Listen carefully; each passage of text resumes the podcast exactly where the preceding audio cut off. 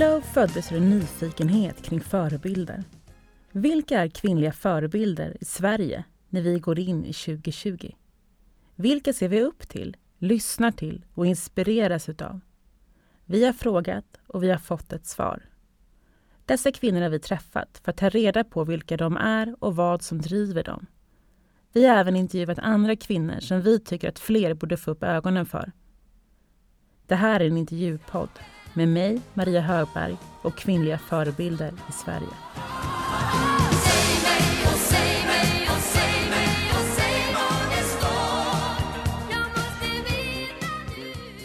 I dagens avsnitt träffar vi Karin Hägglund som är före detta elitidrottare i karate och även varit assisterande förbundskapten för svenska karatelandslaget.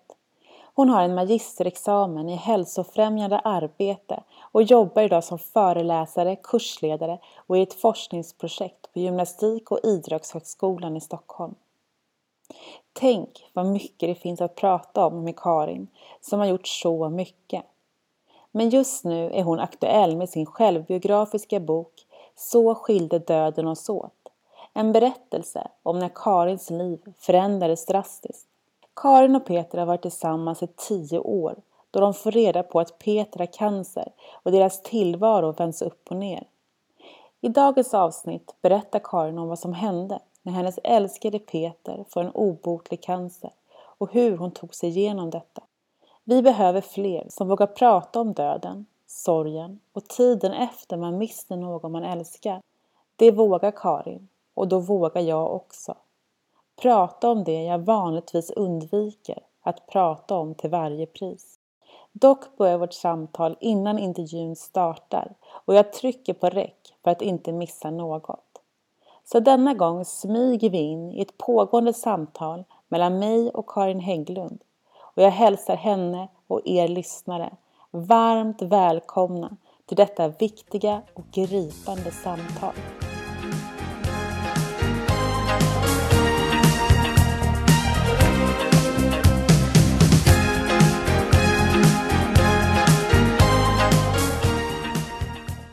Väldigt läskigt. Så att från att ha gått till att vara så här, lite normal dödsångest till noll till att nu ha ett här, kanske mer normalt förhållningssätt. Eller normalt förhållningssätt till döden vet jag inte ens vad det är. Men att jag, eh, särskilt efter jag blev mamma, har jag blivit väldigt rädd igen för att något ska hända.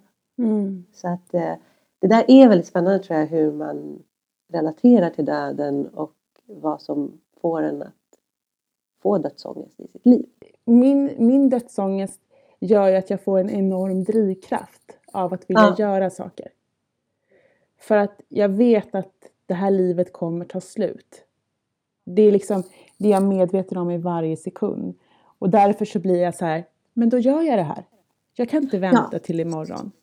Nej, och jag tror att det är där det liksom blir faktiskt viktigt att tänka på döden. Alltså så här att det, precis som du beskriver, att det kan bli en drivkraft. För det, så har det varit för mig också. Jag tror att det läskiga där att då leva utan en dödsångest var att jag inte hade någon riktning i livet. Alltså att det spelade mm. ingen roll när jag satt i den där bilen på motorvägen som sa jag till. Eh, för jag, jag, jag bryr mig inte. Nej. Och jag tror att det är det som liksom, det är mycket mer farligt. Så jag tror att man mer ska omfamna den där dödsångesten. Och precis som du, att så se att ja, men den kan ju skapa en drivkraft. Eller att faktiskt våga tänka tanken att så här, en dag kommer jag inte finnas här, en dag kommer det här livet att ta slut. Mm. Eh, vad vill jag ha gjort mm. i mitt liv? Eh, vad kommer jag vara nöjd med hur jag har spenderat mina dagar, hur jag har betett mig, vad jag har ägnat mig åt. De valen kan ju också skapa självklart en massa ångest för att vi kan ju hela tiden välja vad vi ska göra. Mm. Eh, men där tror jag att, den, liksom, att tanken på döden är viktig. Liksom. Ja, det är någonting som är, som är svårt. Jag tänker på, speciellt på det med, med mina barn nu, att jag inte ska ducka frågan när den kommer. För att eh, eftersom jag själv har sån rädsla för det så vill jag liksom inte, fast det är en drivkraft, så vill jag inte föra över ångesten på dem utan att man ska försöka kunna prata om det på ett, på ett bra sätt. Har frågan kommit? Ja, eh, från min, både min nioåriga åttaåriga son, de frågar ganska mycket om det. på ett ganska, vad ska jag säga, inte respektlöst sätt, men på ett ganska så här odramatiskt sätt. Ja, men jag tänker, det är väl nu är min son så liten, han är 16 månader så han har inte Mm. börjat prata än. Men jag tänker att det är väl det som barn kan bidra med, att det på något sätt också Alltså att avdramatisera att det är en del av livet. Liksom. Mm. Precis som att man får ett syskon och så försvinner någon och någon kommer. Och, och så. Mm. Ja, men precis. Och vi kommer väl komma in på det lite mer senare kan jag tänka mig. Eh, men någonting som jag upptäckte eh, det är att du är uppvuxen i Viksjö. Ja, Och det Det är jag bra. också. jaha, vart i Viksjö? Såningsvägen. Jaha, det här är jag flera vänner. Eh, Jag växte upp i Högbyområdet. Jaha, Uppe på Kikare. Högby. Ja. Ja, där hade jag vänner. Ja, men gud vad roligt. Jag gick i Högbyskolan, liksom, ettan till sexan och sen i Viksjöskolan. Ja, men jag gick också i Viksjö. Alltså, det här är så himla roligt. Då gick vi Ja. där samtidigt. Ja, jag gick i samma klass som AIK-spelare. Ja. Jag försöker tänka på någon som är så här, Ja. kanske man kommer ihåg. Ja, för att han blev känd. ja. Han vet jag ju vem det var. Ja, vi gick i samma klass. För jag gick i samma klass som... Om du vet vem det är? Bodde ju på gatan nedanför mig ett tag. Ja. Men vi har ju så himla mycket att prata om. Ja, Eh, och det är ju eh, inte enbart Viksjö, men det är i alla fall kul att vi båda har vuxit upp där, att vi har gått i varandras, eh, ja inte fotspår, men vi kan ju säkert ha gått, stått bakom varandra i matsalskön eller definitivt. kanske hängt vid Viksjö centrum någon kväll och, och sådana saker. Ja, liksom. inne på träffen, Ja. dansat på disco. Ja. Ja men verkligen, så möts vi liksom här nu. Mm. Mhm. Ja, världen är liten. Ja men den är ju verkligen det. Men det man kan säga är att det kommer ju väldigt mycket framgångsrika människor från Viksjö. Det kanske är så. Ja, alltså jag, det känns som att det finns hur många som helst som, som man träffar på. Jag intervjuade till exempel Daniel Paris Mm. i ett annat projekt. Han är också från Viksjö. Ja. Och sen har vi idrottspersonligheter och Darin. Alltså det finns ju hur mycket som helst. Och sen har vi ju dig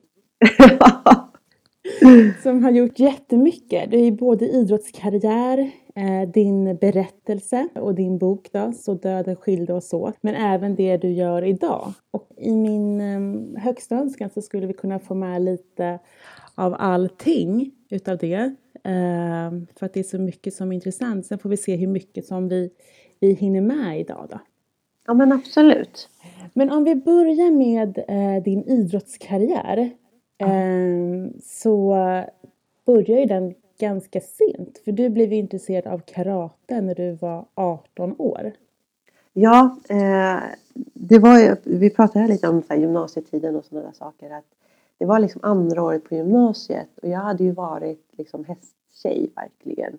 Varit liksom i stallet varenda dag sedan jag var åtta. Eh, men hade slutat och eh, ja men verkligen så här tänkte att jag skulle leva ett så här vanligt liv som de flesta i gymnasiet. Eh, att man, ja, man gick till skolan, hängde med kompisar, gjorde läxan, gick hem. Men jag kände väl också att så här, oh, jag borde hitta på någonting. Så att när min kompis Linnea frågade så här, ska du följa med? Jag tänkte prova. Eh, så hängde jag med henne till karaten helt enkelt. Och eh, det var lite som att så här, stiga in i en annan värld. Det här var en ganska så här, traditionell karateklubb och då är det ganska hierarkiskt hur man eh, ja, men, ja, vilka som bestämmer och vad man gör och det är väldigt tydligt så här, olika ritualer hur man bugar in och hälsar. Och, eh, så det blev jag ganska fascinerad över. Men sen också att jag blev super fascinerad av själva liksom, träningen och att det inte var någon fokus på att jag var för gammal. För att skulle jag gått in på många andra idrotter så här, som 18-åring så är det ju liksom ganska kört. Um, här så var jag liksom väldigt välkomnande i att bara, men vad kul att du tycker att det här är kul. Um, och sen var det liksom bara, så länge man tränade hårt och eh, visade att man hade intresse så fick man hjälp att utvecklas. Mm. Ehm, Och det är så här, min dotter började med karate för, eh, nu är hon nio, vad är det, två år sedan. Och det var liksom verkligen det som jag också tyckte var så fascinerande, för jag kan ingenting om karate. Men hon, hon ville börja och tyckte det var så himla kul eftersom jag inte kan någonting och så har hon liksom hittat sitt eget intresse. Men att det just var alla åldrar som kom in ja. med vitt bälte.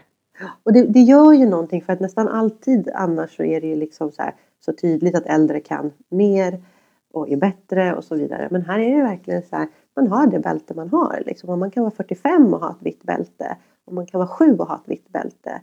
Och du kan vara liksom, en 14-åring kan vara bättre än någon som kommer in och är 25-30 som är nybörjare. Mm. Och eh, även om man brukar dela upp ofta kanske barn och vuxna så är det ju ändå det där att man ändå ses i samma klubb och det här att man ändå alltid tränar liksom killar och tjejer tillsammans. Eh, det är inte så strikt åldersindelning. Liksom alltid när jag har undervisat barn så har de varit från 8 till 13. Och det är också ganska spännande att ha den mixen i en grupp. Liksom. Eh, ja, mm. så att det är mm, det var lite som att stiga in i en annan värld som jag började verkligen älska. Liksom. Ja, och när förstod du att du var duktig? Jag vet inte om jag någonsin förstod det. uh, jo, nej men det finns ett tillfälle som... Innan var det väldigt mycket bara att jag liksom... Jag, jag, tyckte att det var kul men jag kände väl inte att jag var någon supertalang liksom för att jag... Ja, men det var ganska svårt att lära sig alla saker men jag, liksom, jag fick alltid uppmuntran att kämpa på så att det låg i det. Men sen ett par år senare när jag hade gjort ett par tävlingar och eh, jag hade börjat träna i en annan klubb också, en systerklubb. Där tränaren där var landslagstränare. Och jag sitter på vägen hem i bilen. Jag får skjuts av hans fru hem. Väldigt snällt. Och eh, hon säger så här, ah, men du ska veta att han tycker att du har potential. Mm.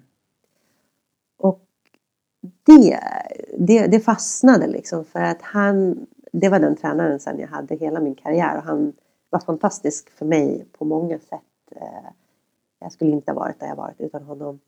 Eh, men han var kanske inte den som öste beröm på en.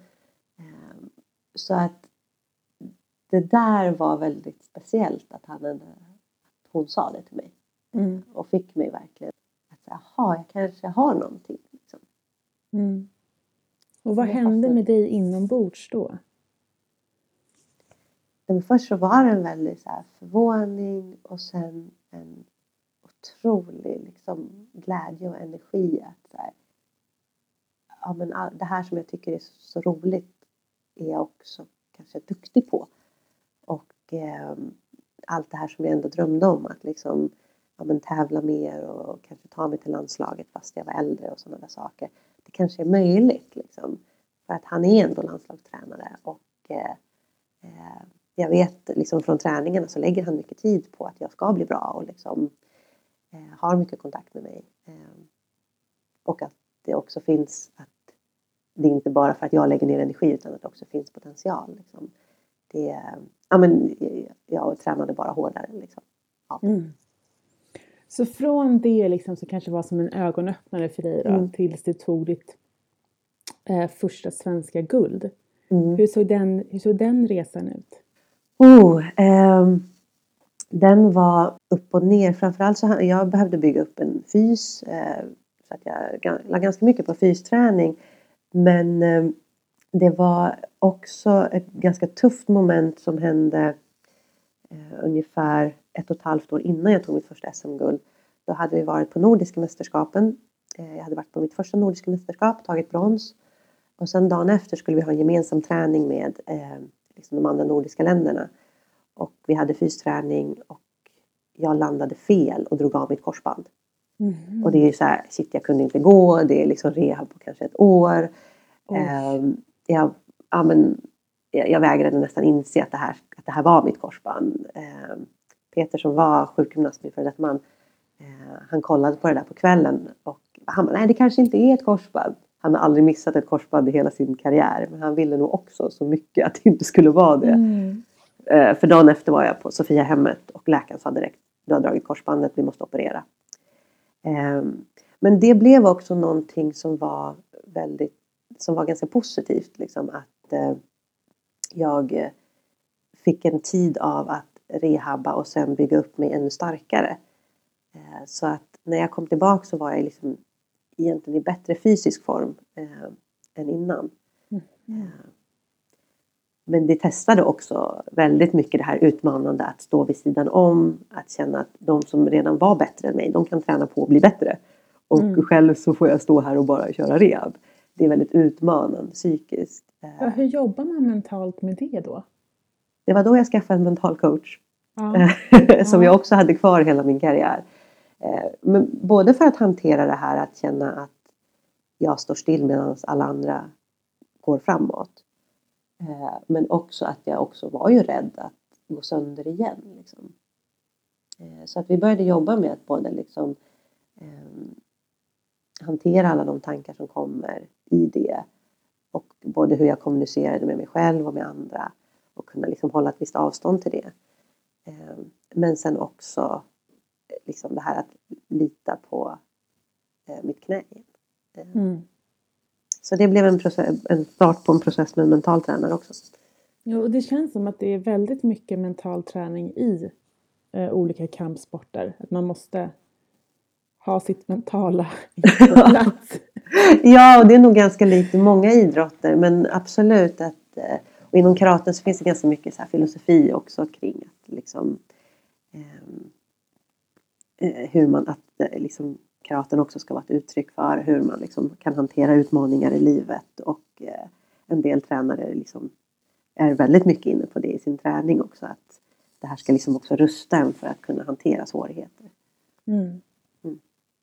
Men när du liksom fick då beskedet att du kan börja träna igen. Mm. Eh, vad, hur var det? Och hur liksom tog du dig an karaten Eh, igen? Egentligen så slutade jag aldrig träna. Mhm. Utan det blev bara annorlunda hela tiden. Jag anpassade hela tiden. Här. När jag inte kunde liksom egentligen använda benen då stod jag och bara slog istället. Eller gjorde alla handtekniker. Eller gjorde allting långsammare för att träna in perfekt teknik. Så att jag anpassade hela tiden min träning. Eh, Och var ändå i, i dojon, liksom, karatelokalen, ganska mycket. Eh, För att inte släppa taget. Mm. Så Mm. inför, och sen när du, liksom, när du tog ditt eh, första SM-guld då? Berätta om det. Nej, men det var jättespeciellt för att jag visste att min största konkurrent var liksom självklart, hon var regerande mästarinna sedan åtta år tillbaka och det var också min klubbkompis eh, och min vän som vi hade tränat mycket ihop. Eh, och jag visste att det var min största konkurrent. Eh, och vi möttes också i finalen eh, och det var väldigt, väldigt speciellt både för att jag visste att jag var i jätte, jättebra form och kunde ta det här eh, samtidigt som otroligt mycket nervositet. Och, eh, så att liksom på den filmen efter jag liksom förstår att jag har vunnit, liksom de här flaggorna har gått upp. Så det är inget glädjeskrik utan jag bara så här sjunker ihop och sätter mig ner. För jag bara så här, shit, det gick. Liksom. Och, och, och samtidigt jättemycket glädje. Och samtidigt så visste jag också att jag slog en vän. Liksom. Och hur reagerade hon då? Nej, det, det var tufft. Alltså det, men det hade varit tufft liksom redan inför. För vi visste att det här, nu kanske jag skulle eh, gå förbi. Liksom. Mm. Eh, så att det var ju tufft. Och som sagt, min tränare var ju bådas vår tränare. Så att han var ju samtidigt jättestolt över att han hade finalen med bägge. Var ju hans elever. Och samtidigt stå bredvid och eh, veta att man kommer vara glad för vem som helst som vinner. Eh, Mm. så. så det var väldigt, väldigt speciellt. Eh, samtidigt så var jag så otroligt stolt över mig själv. Var, blev jag också tvungen att tillåta mig själv att känna. Liksom, att, Mm. Men förändrades liksom, blev du rädd på något sätt när du hade tagit ditt, ditt första guld? För då har du ju någonting att förlora sen också. mm, gud vilken bra fråga. Eh, ja, verkligen. Eh, och, men där var ju också att så här, um, eftersom jag också hade tränat i så många år med Anna som hon hette som var tidigare regerande mästarinna. Ehm, så visste jag ju om den där problematiken så jag har ju lärt mig så otroligt mycket av henne. Och jag vet att så här, typ dagen efter det SM-guldet så sa jag direkt till Peter hemma liksom. Jag bara, det viktigaste nu är att jag inte börjar försvara eller börjar tänka att jag ska försvara ett guld eller att på varje tävling så måste jag tänka på att jag är svensk mästarinna. Mm. Utan att jag ska bara fortsätta tänka utveckling. Att så här, och varje gång jag går in på en tävling så är det en ny tävling. nästa år på SM så är det en ny tävling. Det är inte så att jag ska försvara något, jag ska fortfarande vinna ett guld. Mm. Och det försökte jag ha med mig hela tiden. För de där tankarna kommer ju upp. Liksom, att folk får ju förväntningar på en när man har vunnit någonting. Ja men precis, och då kommer det ju mentala in igen. Ja, så det var något som jag jobbade med, med jättemycket. Liksom, att inte axla folks förväntningar för mycket. Vilket är lätt att göra. Mm. Och det var ju liksom, det var ju, du har ju haft en, kar- liksom en fantastisk karriär där, men det var ju också där du träffade Peter. Ja, Ja. Kan du berätta om ert första möte? Ja, eller mitt första intryck av honom. För att eftersom liksom han fanns i klubben där jag började träna. Eh, sen bytte jag klubb, men han fanns i min första klubb. Så vet jag att han var ju liksom... Han hade svart bälte och vi visste inte namnet på alla de som hade svart bälte. Så att jag och min kompis började hitta på smeknamn. Och han kallade vi ju Snyggingen. Jaha! Det var ju liksom, om man säger så här, som en första liksom, intryck av honom var jag så här. Fast samtidigt så var jag han, han jag förstod ju att han var äldre än mig. För han såg ju mycket äldre ut än mig. Och han var ju 11 år äldre. Jag trodde kanske inte att han var så mycket äldre. Men, eh, men jag tyckte att han var väldigt snygg liksom. Och eh, det var verkligen här första intrycket. Och sen extremt engagerad och energisk i sin träning. Liksom. Eh, vilket jag också tyckte var häftigt. Liksom. Ja. Har han beskrivit första intrycket av dig? Nej, vet du vad? Nej. Det tror jag faktiskt aldrig att vi har pratat om. Nej. Men när uppstod det kärlek mellan er då? Ungefär fyra år efter jag började träna eh, så hade vi en sommar. Jag hade väl börjat prata med varandra mer och mer på klubben sådär. Men sen var det en sommar eh, 2002 där, vi, eh, där han frågade nog, ja, men vill du, vi ska ut och springa hinderbana i sommar, så här, jag och några kompisar, vill du hänga på? Och så blev det att den där sommaren så sprang vi på Karlbergs hinderbana. Då var ju den öppen för allmänheten eh, väldigt många gånger i veckan. och jag tog i som en dåre för det kändes som att här ja, dels så hade jag så mycket energi av alla känslor eh, för honom men också att så här, nu jäklar. och det blev mer och mer att vi liksom tog sällskap därifrån och gick upp till Fridhemsplan och tog en öl och liksom snackade. Och, Men, men hade du, då hade du liksom redan målet inställt på att det skulle bli ni? Ja, jag fick ju mer och mer känslor för honom. Eh, Absolut. Eh, sen så var det ganska mycket diskussioner som vi hade mellan oss kring ålder. Liksom. Att han var ändå 11 år äldre än mig. Och då var jag 22, han var 33. Det är ganska stor skillnad. Eh, och eh, också att han tyckte att det var lite sådär att ja, jag var ju fortfarande inte så här högt graderad och han hade svart bälte och att det kändes lite så här kliché att vara en äldre man som har svart bälte och blir tillsammans med en yngre tjej. Ja. Ehm, eh, som han fick kämpa lite med. Och, ehm, men sen blev det ju mer och mer uppenbart att så här, vi ville vara med varandra. Ja. Och då, en dag så faktiskt, det var faktiskt en kväll vi bara landade i, så, ja, men vi försöker då. Försöker och se vart det här tar oss. Och från den dagen så hade vi aldrig någon mer diskussion om det var Nej. vi eller inte. Men höll ni det hemligt då i början? Ja, Ja. det var hemligt. Det var ingen... Jag tror att folk märkte det. Jag tror inte att vi var så hemliga som vi trodde. Jag såg att ni lös runt er. ja, alltså så här, vi fick ju några så här glidningar när man var på träningsläger. Att så här, Nej, men Peter ville väl vara i närheten av Karin. Och så där. Men vi trodde nog att vi var ganska hemliga. Eh, Mm. så. Men hur var han som person då, om du skulle beskriva honom? Vid första anblick så eh, var det, så han hade väldigt hög integritet och eh, i kombination med att vara blyg. Liksom. Så att, eh, och samtidigt så hade han ett yttre liksom, som var, han var ju ja, men nästan 1,85 lång, 84 kilo rakad. Så att han var liksom ganska liksom, och muskulös liksom, så han var ganska stor liksom. Och det kunde göra att folk nästan blev lite så här rädda för att han inte sa så mycket och samtidigt hade ett ganska så här pondus yttre. Ehm, men sen var han ju en otroligt snäll och eh, empatisk person. Liksom. Ehm, som hade mycket reflektioner kring livet. Ehm, och stora intressen. Liksom. Han, det han liksom fördjupade sig i, det fördjupade han sig i. Det var ju liksom träningen väldigt mycket och sen eh, jobbade han som sjukgymnast och träningsrådgivare och liksom det där mellanrummet mellan att vara skadad till att komma tillbaks fullt som elitidrottare var ju det han jobbade med. Och det var han extremt passionerad kring liksom, och ägnade väldigt mycket tid och reflektion kring. Liksom. Och även då i det mentala, hur liksom, tar man sig tillbaka? Mm. Så att han eh, ja, men, lugn eh, och väldigt omtänksam. Liksom. Mm. Och er relation då? Jag vet att ni pratar mycket om, liksom, om framtiden och vad ni ville uppleva tillsammans och så. Hur liksom, från att det här, den här stunden när ni bestämde att det var ni två, liksom, hur, mm. hur var er relation från det? Bra! Jag ska aldrig liksom skönmåla någonting och säga att det är liksom underbart varje dag, så är det inte i en relation. Men jag tror att för mig var det, och för många, för Peter också, att det var första gången jag, vi landade i en relation där vi kunde vara fullt ut de vi var. Eh, och inte liksom, alltså med både bra och dåliga sidor. Eh, och också liksom kunna vara i en relation där man stöttar varandra och vill varandra väl. Liksom. Vi var ju båda väldigt så här, passionerade människor kring saker vi ville göra i våra liv. Eh, och att man stöttar varandra fullt ut i det.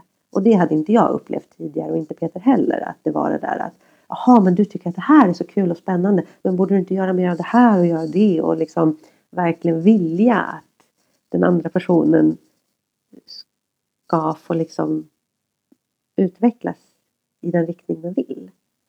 Um, och det var väldigt, väldigt starkt mellan oss. Um, och en väldig ärlighet. Liksom. Mm. Ja, så det var nog första gången jag landade i att så här,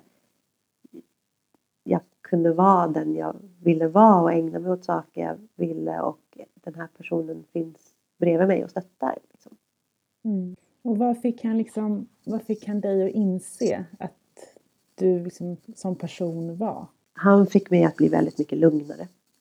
Eh, verkligen. Eh, vår dynamik var väldigt mycket så. Jag, har, eller jag är en ganska energisk person och sådär och kan ibland ha väldigt mycket saker för mig. Och, eh, jag blev ju liksom lugnare och kunde mycket mer fokusera på vissa saker istället. Och han fick ju liksom mer driv och energi av min energi. Så det var mm. väldigt mycket vår dynamik. Liksom, att där han förut kanske hade varit engagerad och intresserad av saker så vågade han ta stegen och börja göra dem. Och jag kunde liksom fokusera på färre saker. Och bli lite lugnare i mig själv och våga lita på att så här, de saker jag gör. Mm. Lite som yin och yang. Ja men kanske lite. Ja. lite så att eh, eh, och för Peter var väldigt trygg i sig själv liksom, och det blev jag väldigt mycket av vår relation. Ja. Men ändå så fantastiskt liksom att ha fått uppleva det. Mm. Ja, extremt liksom. Det här är också så dubbelt. För jag hade någon, när någon försökte antyda något sånt till mig liksom, i, liksom nära i tid efter Peter gick bort så fick jag, tyckte jag bara var liksom hemskt att så nej men vadå? Jag vill inte vara tacksam för det liksom. Jag vill ju ha mer. Eh, nu när det har gått tid så är jag ju faktiskt extremt tacksam att jag fick liksom bli vuxen i en sån relation.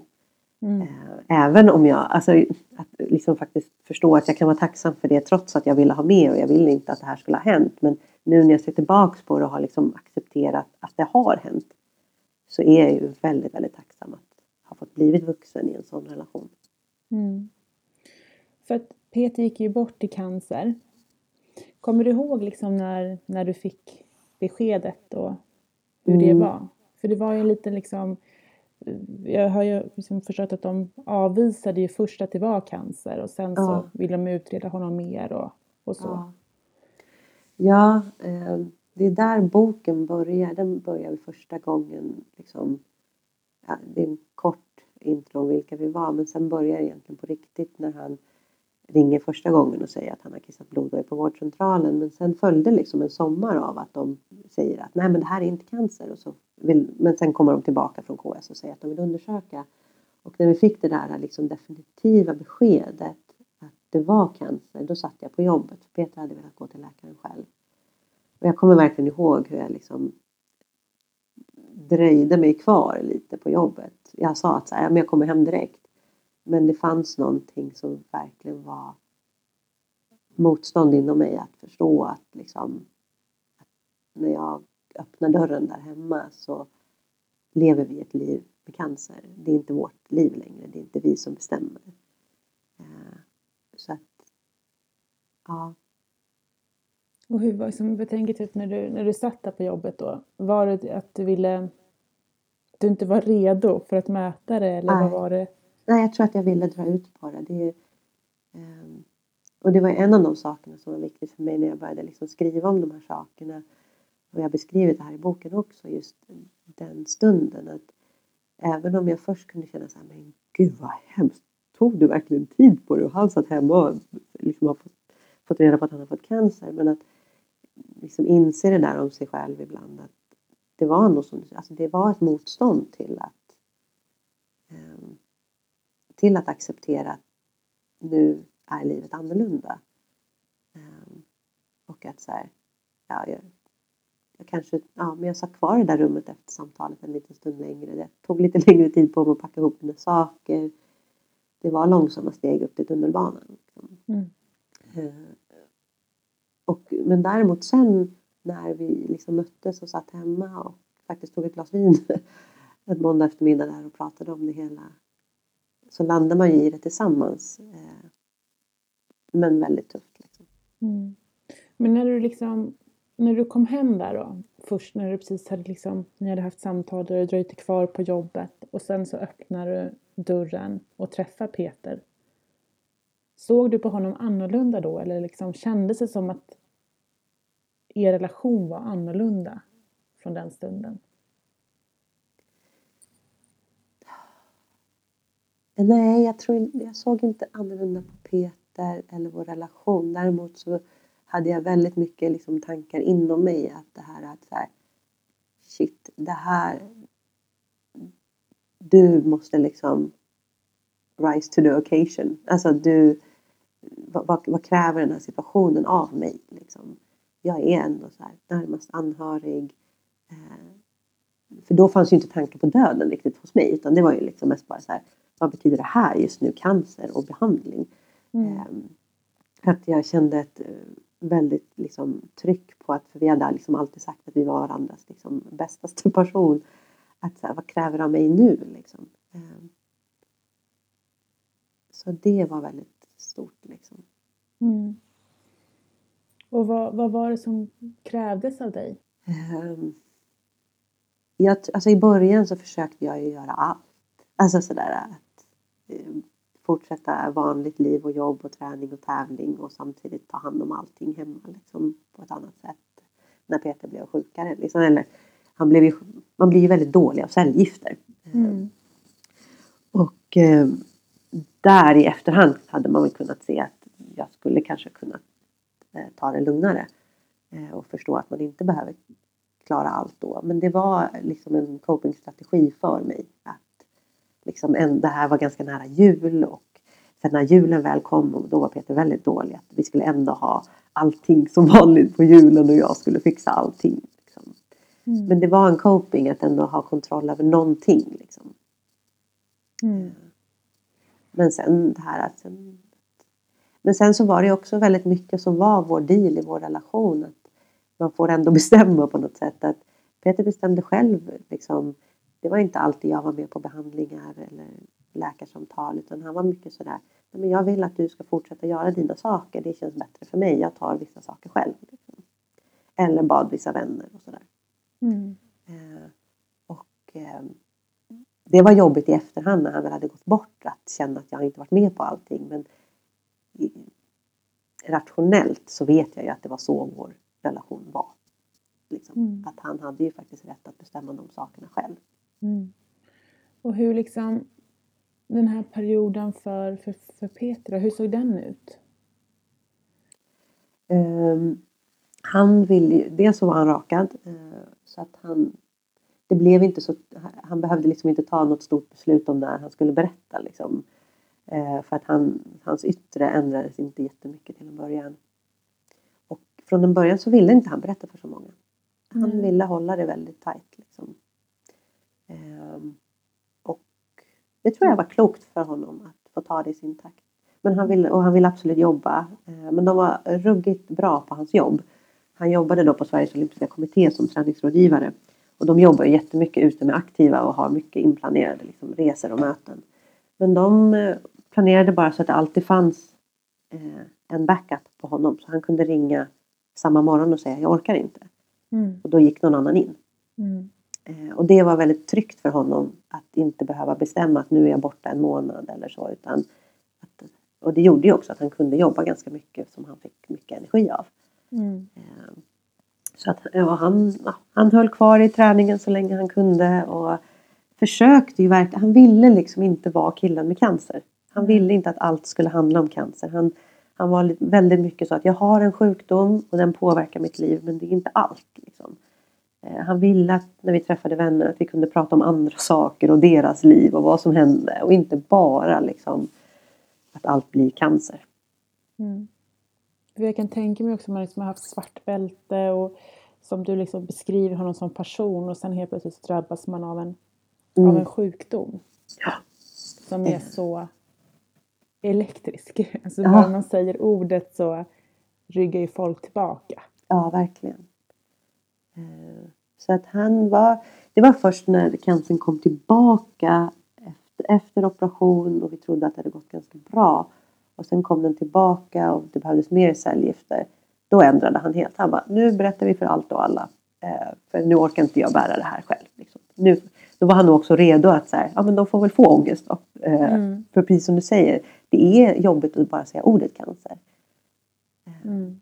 Men då var han nog mer redo för att så här, ja men det får de deala med för att jag dealar med det här varje dag. Liksom. Mm. Och hur, hur liksom påverkades omgivningen då och folk runt om er när de fick reda på det? Eh, alltså våra närmaste vänner var alltså helt fantastiska. Vi hade ett otroligt stöd liksom, i, eh, genom hela processen. Och eh, som Peter var, han var inte någon som var någon, han, han var inget nätverkstroll om man säger så. Men han hade eh, väldigt fina nära relationer med sina närmsta vänner och kunde verkligen liksom, prata med dem om vad som pågick. Och eh, många av dem som ordnade liksom, extra saker och det blev kanske mer bruncher på helgerna och liksom verkligen ta vara på tiden. Ehm, Så många som ändå slöt upp och eh, här, förstod att det fanns ett allvar. Och sen bjöd ju vi in till bröllop under den här perioden Mm. också för att fira livet och kärleken. Och, eh, det blev också liksom ett sätt att här, samla våra vänner och familjer och bara fira. Liksom, Mm. eh, för att livet finns här och nu. Mm. Mm. Men hur, och hur påverkades, påverkades liksom du då under den här perioden? Ser du det som, för, för från början så, så beskriver du att du såg det mer som en, en sjukdom som ni skulle ta er igenom.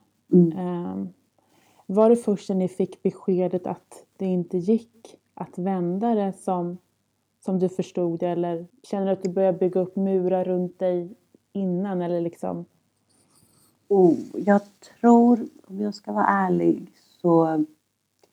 ehm, ja, det är ungefär precis eh, sju år sedan nu. Eh, för det var här i slutet av november som vi fick reda på att eh, ja, Peter skulle aldrig bli frisk. De skulle bara kunna behandla.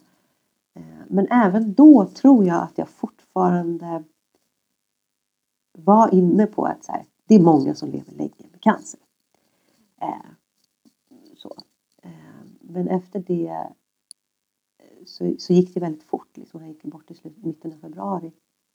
Och eh, egentligen så tror jag inte att jag fullt ut så här, eh, tog in det. Jag hade nog någonstans börjat förstå någonting eh, över julen där. Men det var först där sista januari så säger de till oss att så här, nu kan det handla om dagar. Liksom mm, nu kan vi inte göra någonting mer. Vi kan inte behandla, vi kan inte göra någonting. Ehm, då. Det var då som jag släppte liksom helt alla sådana här. Eh, så på ett sätt så var det nog murar som släpptes då. Alltså sådär att fullt ut acceptera att mitt liv inte kommer bli som jag har tänkt. Jag kommer inte leva med Peter. Eh, vi har de dagar vi har. Eh, det tog jag nog fullt in först när de sa att det går inte alls. Mm. Innan hade jag levt så extremt mycket på hoppet att man kanske kan hitta ett halmstrå som gör att ändå han kan leva ett gäng år till. Liksom. Men när ni får det liksom beskedet, liksom när, när, ni, när det går upp för er båda två att det här går inte att eh, bota. Va, vad händer då? Um, Peter var redan inlagd på Radiumhemmet när han fick det här beskedet. Um, och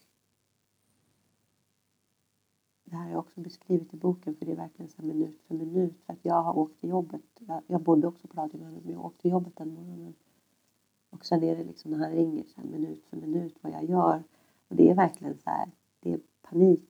Eh, och försöka få tag i en taxi och åka till Karolinska Även fast jag förstår att han kanske inte skulle dö på sekunden så, så var det där panikläget hos mig. Liksom. Och eh, jag bara så här rusar in i hans rum och sätter mig i hans säng och, eh, eh och gråter. Alltså mm. det, vi bara sitter och gråter. Eh, Peters mamma har beskrivit det efteråt. Eh, att hon kom, de kom någon timme senare. Att jag såg ut som en liten fågelunge som satt i hans säng. Liksom. Mm. Eh, för det var ja, men det var fruktansvärt och det fanns, det fanns bara, i mitt huvud var det bara så här, vad ska jag göra liksom? Hur ska jag leva? Hur ska jag leva utan dig? Det var liksom det enda som mantrades nästan i huvudet. Och ähm, ja. Och, och för Peter då? Hur liksom? Peter också bara grät. Äh, och samtidigt så berättade han också att han hade liksom ringt till våra närmsta vänner och allting. Och även bett läkaren att komma senare på eftermiddagen. För att han kände själv att han hade liksom återigen den här strategin att allting ska inte handla om cancer. Så han ville liksom så samla alla våra vänner. Och så ville han att läkaren skulle förklara precis vad som hade hänt, hela hans sjukdomsförlopp och vad vi stod inför nu. Och sen ville inte han att liksom, han och jag skulle behöva ständigt svara på frågor. Och framförallt kanske inte jag för att det, man hamnar väldigt mycket i skottlinjen som närmast anhörig att ta allas frågor. Eh, vilket han visste tog lite på mig. Att eh, Man har sin egen sorg och saker som man dealar med och samtidigt så behöver man ge väldigt mycket information till alla som undrar självklart och är oroliga. Så att eh, senare på eftermiddagen, jag hade kommit dit vid halv tolv och vid tretiden så stod liksom väldigt många av våra närmsta vänner och familj i hans rum. Så förklarar läkaren liksom. Så här har sjukdomsförloppet sett ut sedan han fick sin diagnos. Eh, alla de här sakerna har hänt och nu står vi inför det här och det kan handla om dagar innan Peter går bort. Mm. Eh, och det var ju väldigt smärtsamt att höra samtidigt som det var väldigt skönt att alla fick höra samma sak den dagen var liksom, alla stannade ju kvar. Det här var en fredag eftermiddag. Vi köpte mat och liksom satt där och pratade och käkade. Och eh, det fanns ett väldigt så här, fint allvar i luften och så extremt mycket kärlek och gemenskap. Liksom. Eh, ja. Så det var ingen som liksom blev rädd eller alla vågade liksom vara kvar i det? Ja, det var det som blev väldigt fint. Alltså Peters föräldrar blev självklart väldigt så här, rädda liksom, i det. Ehm, men det fanns också väldigt mycket kärlek liksom, runt att ta hand om det. Ehm, så det är verkligen så speciellt att Peter kom ut sen på kvällen. Han hade blivit ganska trött och gick tillbaka och vila. Så kom han ut i liksom, det här fikarummet igen. Där vi alla hade liksom satt kvar. Och säger att så här, det här har varit den värsta och den bästa dagen i mitt liv. Mm. Och det är tack vare er. Liksom. Eh, den här liksom, gemenskapen och kärleken. Och det är någonting som jag tror jag bär med mig extremt mycket. Att liksom ha fått sett den sidan av människor. Eh, när man faktiskt kan göra så otroligt mycket för varandra i väldigt utsatta situationer. Mm. För vi börjar det här samtalet liksom med, med dödsångest och en rädsla ja. för döden. Och i det här skedet så står ju ni väldigt nära döden. Ja. Hur, hur, liksom, hur såg du eller ni på döden då? När den var så himla nära? Uh, ja du, jag har ju liksom jag har ju alltid inte trott på livet efter döden. Liksom, och, uh, och Peter frågade mig någon gång där innan. Uh, för att han var ju rädd att allting bara skulle försvinna. Liksom. Eh, och där kunde jag inte förändra mig heller. Han skulle veta att jag ljög. Jag sa väl att nej, jag tror fortfarande inte på ett liv efter döden. Men det här att liksom energin som man har gett till andra, den kan leva kvar genom andra. Eh, så att, men just där och då ska jag säga att vi inte pratade så mycket om döden. Där tyckte mm. jag att det var sjukt eh, läskigt. Att liksom, mm. vi, vi, var väldigt mycket närvarande med varandra i det som var men det var först dagen innan han dog som vi gick igenom begravningen och eh, jag fick alla lösenord till Facebook och sådana saker. Eh, för det hade ingen av oss tror jag, vågat lyfta ännu. Mm. Och hur var det liksom det, det, det, det är så absurt och så svårt att sätta sig in i den situation som du befann dig ja. då. För att det är någonting som, som man är rädd för. Ja. Men när man, när man får de här lösenorden och man förstår att shit, det här liksom kommer bli verklighet. Mm. Ja, det gjorde så fruktansvärt ont. Eh, för, just för att det blir verkligt liksom. Eh, och, och, men jag var också så otroligt, jag hade tagit ett beslut om att här, jag ska inte sörja Peter förrän han har gått bort. Jag vill försöka vara med honom så mycket som möjligt när han lever. Men visst så blev det där väldigt mycket smärta i. Ja. För sen så gick ju eh, Peter bort liksom. Hur var, hur var tiden efteråt? Äh, ja, väldigt smärtsam eh, och ångest eh, och sorg och eh, en resa mot acceptans började men den började väldigt liksom taggigt om man säger så. Att så här, första gången jag sitter hos min psykolog efter Peter har gått bort så mm, hon, hon tittar på mig och verkligen säger men Karin du vet att det här liksom har även drabbat dig. Och jag var sådär, nej men alltså det här, det är inte synd om mig, det är inte jag som har dött. Eh, att jag hade ganska svårt att liksom ta det vidare. Och sen nästa steg i mot acceptans var ju någonstans att eh, det här var ett gäng månader senare vi kom till att så här, ja men det första steget blir att acceptera att jag inte accepterar det här. Eh, för att just acceptansbegreppet är ganska svårt. Jag hade liksom så här, men ska man acceptera att folk dör i ung ålder av cancer? Och det eh, när jag började förstå vad acceptans betydde och var ju liksom var ju inte att det var att trycka på en okej-knapp att sånt här händer. För det tycker jag då skulle det ta bort till exempel en drivkraft att folk ska jobba med cancerforskning och sådana saker. Utan att acceptansen i det här läget på det personliga planet blir så här, vad betyder det här för mig i mitt liv? Att det här har hänt. Vilka steg behöver jag ändå ta för att skapa ett liv som jag mår bra av? Trots att det här har hänt. Mm. Eh, så att det var en ganska så lång väg till acceptans. Nu väldigt förkortad i två, tre steg. Men eh, ja. det var verkligen vändpunkten när det blev det här. Vad betyder det för mig i mitt liv när det här har hänt? Alltså som man skulle kunna mm. koppla mm. till liksom, coronasituationen idag. Att så här, vi kanske inte vill acceptera att så här, pandemier händer. Vi måste jobba väldigt starkt för att de inte ska upprepas. Men här och nu i sitt eget, vad betyder det i mitt liv att vi faktiskt lever i en pandemi? Vilka förändringar behöver jag göra för att ändå så här, må bra och att mitt liv fungerar? Mm. Och det här är någonting som, som du har lärt dig mycket av och vill liksom dela med dig din historia för att hjälpa andra. Mm. Och för andra som har det här framför sig eller kanske är inne i det just nu eller precis har drabbats av det, vad har du liksom för medskick till dem? Ehm, jag tror att framförallt att, att ta professionell hjälp. Liksom. Gå gärna till en liksom, psykolog och ta hjälp. Det finns ju de som är liksom experter på liksom krishantering och sorg och trauma och så. Eh, det tror jag är en viktig del. Men sen också det här att liksom söka stöd och hjälp på olika sätt. Alltså dels, eh, jag hade liksom väldigt mycket nära kontakt med liksom mina närmaste vänner och familjen. Men sen också det här som att söka i liksom andras historier, det var ju någonting jag gjorde. Jag läste jättemycket om andras liksom, öden genom böcker eller såg filmer om det för att här, förstå att jag inte var själv. För det tror jag är någonting som ofta händer oss när vi inte mår så bra, att man liksom lätt isolerar sig och tänker att det här drabbar bara mig, det är bara jag som mår så här dåligt, alla andra lever och mår så himla bra.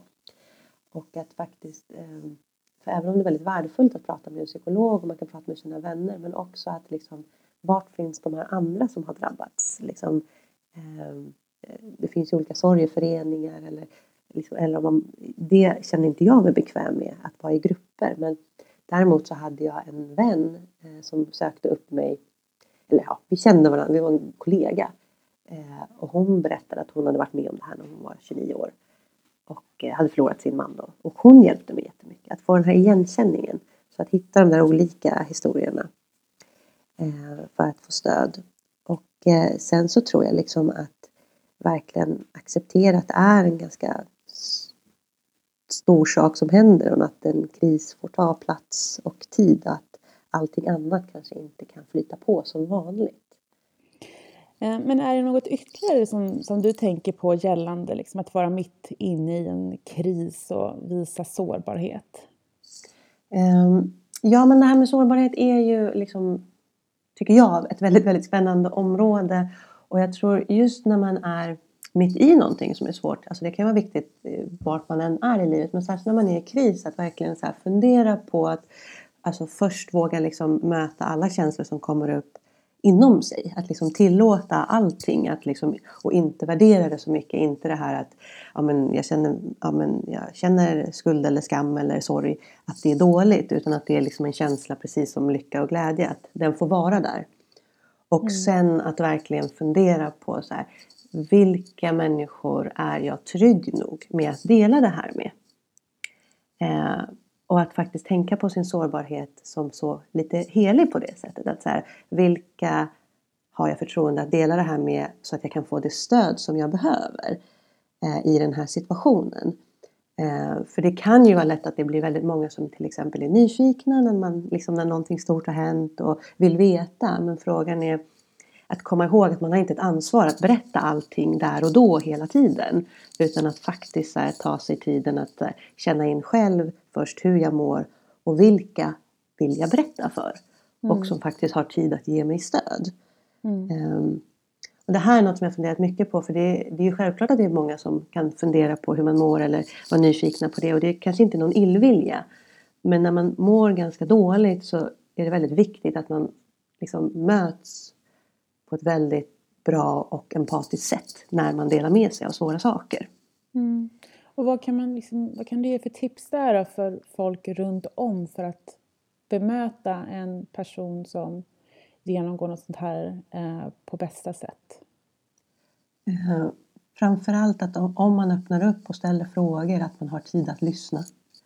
Um, att man inte behöver känna någon press på att komma med bra förslag eller råd eller tips eller eh, även om jag förstår att det har att göra med att man kanske vill berätta att jag, andra har varit med om det här också eller jag vet någonting om det här genom att berätta om någon annan som blivit drabbad så är det inte alltid det man själv vill höra utan man kanske har ett behov av att prata själv.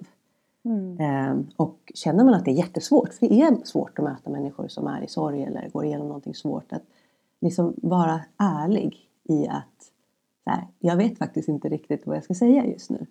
Mm. Det var faktiskt en av mina vänner som sa, eh, en av mina killkompisar som så här, en första gången han träffade mig efter Peter gick bort så la han liksom bara armen omkring mig och sa Alltså jag vet inte vad jag ska säga Karin, det här är för jävligt. Och det är nog en av de så här skönaste grejerna. Så gav han mig en kram och det kan räcka väldigt, väldigt långt. Liksom så här. Jag ser din smärta, jag kan inte ta bort den men jag finns här. Mm. Eh, på det sättet kan man komma väldigt långt. Liksom. Mm. Det är också något som jag tänker på att oftast när man ber om hjälp eh, eller liksom ja. vill berätta någonting så säger många men det kommer bli bra, det blir bra, det ja. löser sig. ja. Och det kan man också säga, jag kan ibland uppfatta det som att det kan bli lite avvisande. Eller? Absolut, och man får tänka på att är man liksom, i alla fall min erfarenhet när, man, när jag var i min liksom djupaste sorg, då är man ganska skör också och blir väldigt så här, känslig mot Eh, om det blir avvisande eller att man inte känner att folk tar en på allvar och att det finns ingen tröst i att det kommer att bli bra då för det man vill ha är ett stöd i stunden. Mm. Eh, och ett utrymme för att faktiskt få känna att det är svårt.